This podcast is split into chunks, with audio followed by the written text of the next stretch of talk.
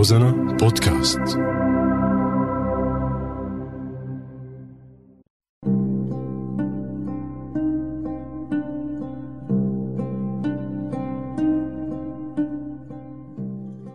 بعدك على بالي.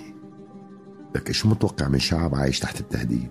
شعب ربوا فيه أشباه الدول وأشباه الأنظمة. شعب ما طلع مسكين بس السكين فوق رقبته ورقبته سدادة.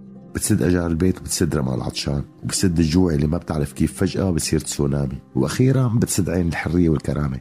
اوعى تفكر بحرية لازم دائما تضل مقيد وتلاقي حلول.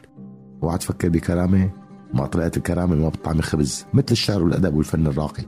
هذا زمن الهشك بالشك زمن التغيير نحو الأسوأ ولسنا الوحيدين ولكننا الأسوأ.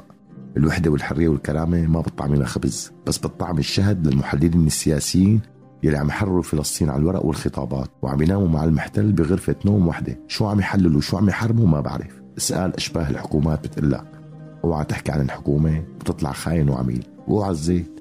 هاي الكلمة كان يقولها درويش بالبزورية. وكأنت العالم تلتم عليه وتضحك عليه. هذا الدرويش خريج طب.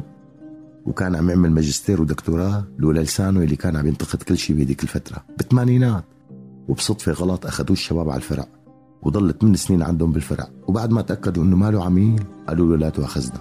قام قال لهم أوعى الزيت. طلع هذا الشاب فاصل صوت وصورة ومستقبل وعيلة وأسرة. طلع مجنون. مجنون رسمي. بقى شو متوقع من شعب عايش تحت التهديد؟ إيه أوعى الزيت؟ وبعدك على بالي.